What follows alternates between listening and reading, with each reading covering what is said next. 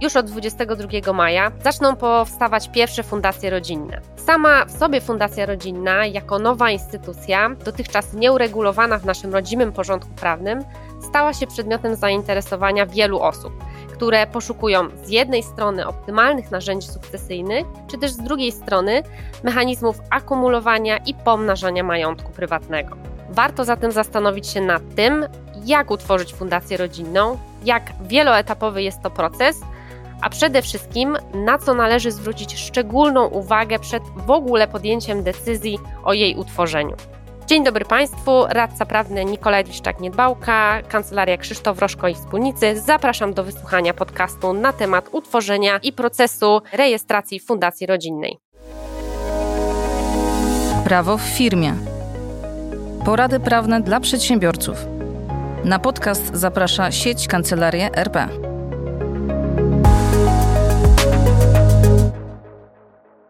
Przed przejściem do omówienia najważniejszych etapów utworzenia fundacji rodzinnej, myślę, że warto wspomnieć w dosłownie kilku zdaniach, co to za instytucja i w jakim celu została wprowadzona. Bez wątpienia wprowadzenie do polskiego porządku prawnego fundacji rodzinnej stanowić ma odpowiedź ustawodawcy na dotychczasową lukę w polskim porządku prawnym.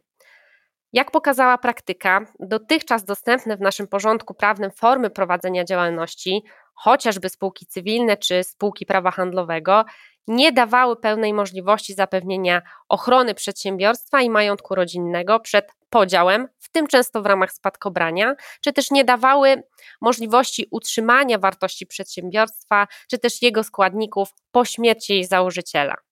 Tymczasem, na co warto zwrócić uwagę, zagraniczne reżimy prawne naszą krajową lukę w zakresie optymalnego narzędzia sukcesyjnego de facto pokrywały. To z kolei skutkowało m.in. odpływem kapitału i przeniesieniem części aktywów czy firm rodzinnych za granicę, w tym pod takie wehikuły jak prywatne fundacje maltańskie, lichtensztańskie czy też holenderskie. Ustawodawca, zauważywszy skądinąd niemały problem dotyczący odpływu kapitału, stworzył zatem, wzorując się zresztą na wspomnianych przeze mnie reżimach prawnych, polski ich odpowiednik, właśnie Fundację Rodzinną. Choć z Fundacją Rodzinną, w tym za sprawą niejako promowania tej instytucji przez ustawodawcę, kojarzą nam się takie hasła jak sukcesja czy firma rodzinna, to jednak warto podkreślić, że instytucja ta nie musi być przeznaczona wyłącznie dla przedsiębiorców prowadzących firmy rodzinne. Tak naprawdę każdy, kto posiada znaczny majątek, w tym ulokowany w różne aktywa, nierzadko w formie inwestycji, powinien rozważyć utworzenie fundacji rodzinnej dla chociażby scalenia majątku rodzinnego i zabezpieczenia majątkowych interesów rodziny. Jak z praktycznego punktu widzenia wygląda zatem utworzenie fundacji rodzinnej? Proces utworzenia fundacji rodzinnej należy podzielić na kilka etapów. Gdybyśmy mieli utworzyć taki, nazwijmy go, uproszczony harmonogram utworzenia fundacji rodzinnej, działającej za życia fundatora, a więc zakładanej w formie aktu założycielskiego, należałoby w ramach tego harmonogramu wyodrębnić trzy podstawowe etapy.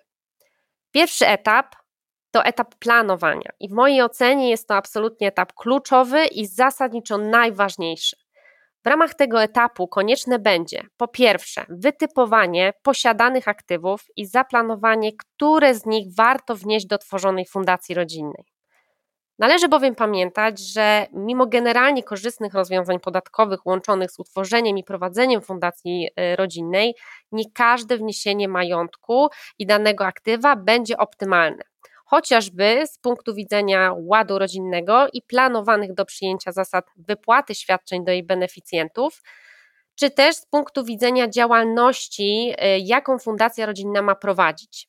I tu również należy pamiętać, że nie każdy rodzaj y, działalności prowadzonej przez fundację będzie korzystał ze zwolnienia z podatku dochodowego od osób prawnych, na co szczególnie zwracam uwagę i uczulam.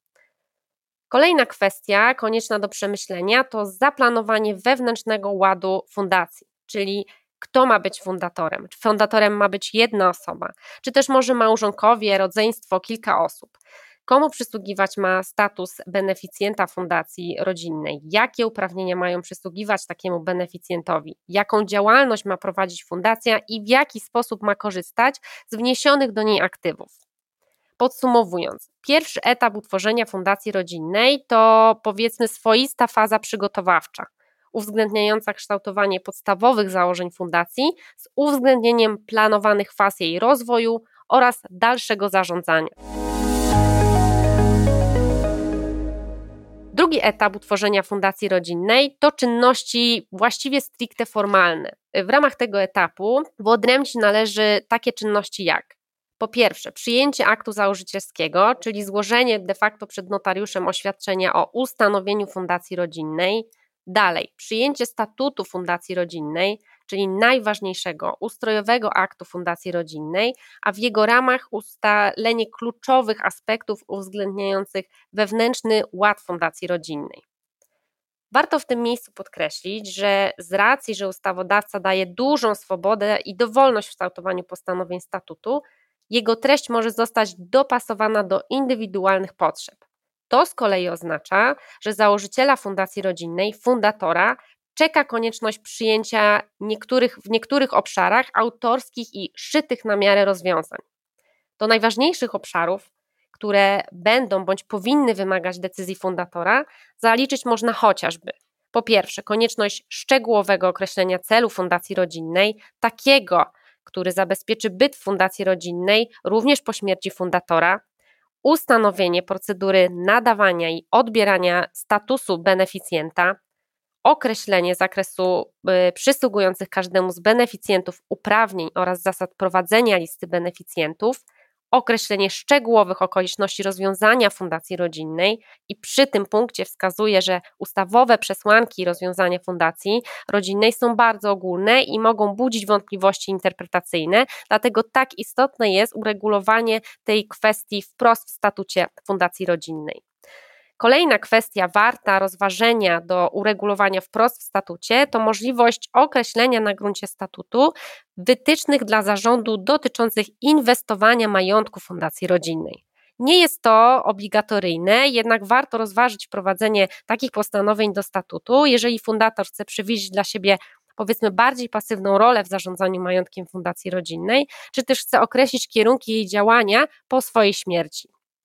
Kolejny jakby podetap tych czynności formalnych to powołanie osób w skład organów, w szczególności do zarządu jako obligatoryjnego organu.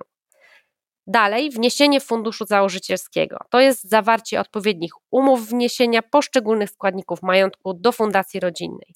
I tu zwracam uwagę na konieczność ich rzetelnej wyceny, to jest według ich wartości podatkowej. Kolejna kwestia to konieczność sporządzenia spisu mienia i określenie proporcji mienia wnoszonego przez fundatora lub każdego z fundatorów do fundacji.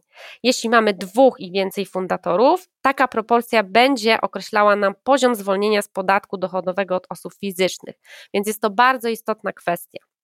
Na koniec już yy, konieczność sporządzenia przez zarząd listy beneficjentów i zakresu przysługujących im uprawnień. To są najważniejsze z y, tych etapów, czy związanych z czynnościami stricte formalnymi. Trzeci i ostatni etap tworzenia fundacji rodzinnej to jej rejestracja w rejestrze, jako de facto zwieńczenie prac nad jej utworzeniem. Pamiętajmy jednak, że Fundacja Rodzinna działa w organizacji już z chwilą jej utworzenia, a więc złożenia oświadczenia o jej ustanowieniu przed notariuszem. Kwestia rejestracji natomiast jest związana z nadaniem Fundacji Rodzinnej osobowości prawnej i oczywiście tutaj mamy określony ustawowo termin na dokonanie tej czynności, to jest 6 miesięcy od dnia utworzenia Fundacji Rodzinnej. Formalne utworzenie Fundacji Rodzinnej wydawać może się proste. Jej utworzenie wiąże się bowiem z przyjęciem zaledwie kilku dokumentów. Jednak decyzja o utworzeniu fundacji rodzinnej i wniesienie do niej majątku wiąże fundatora na lata. I jeśli nie zostanie dobrze przemyślana, może okazać się, że struktura ta nie jest odpowiednim i optymalnym rozwiązaniem w konkretnym przypadku. Dlatego tak istotne jest zaplanowanie tego, które składniki majątku warto wnieść, jak ma działać fundacja rodzinna, co ma inwestować, jak ma pomnażać majątek, jak, kiedy i do kogo ma wypłacać świadczenia. Brak z kolei odpowiedniego zaplanowania struktury działania fundacji i wewnętrznego jej ładu może skutkować tym, że fundator po kilku latach będzie chciał zrezygnować z tej formy. Taka rezygnacja będzie jednak skorelowana z koniecznością poniesienia obciążeń podatkowych. Czy warto zatem utworzyć fundację rodzinną?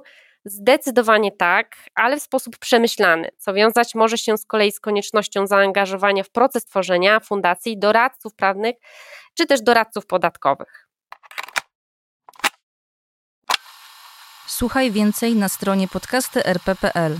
Szukaj Rzeczpospolite Audycje w serwisach streamingowych.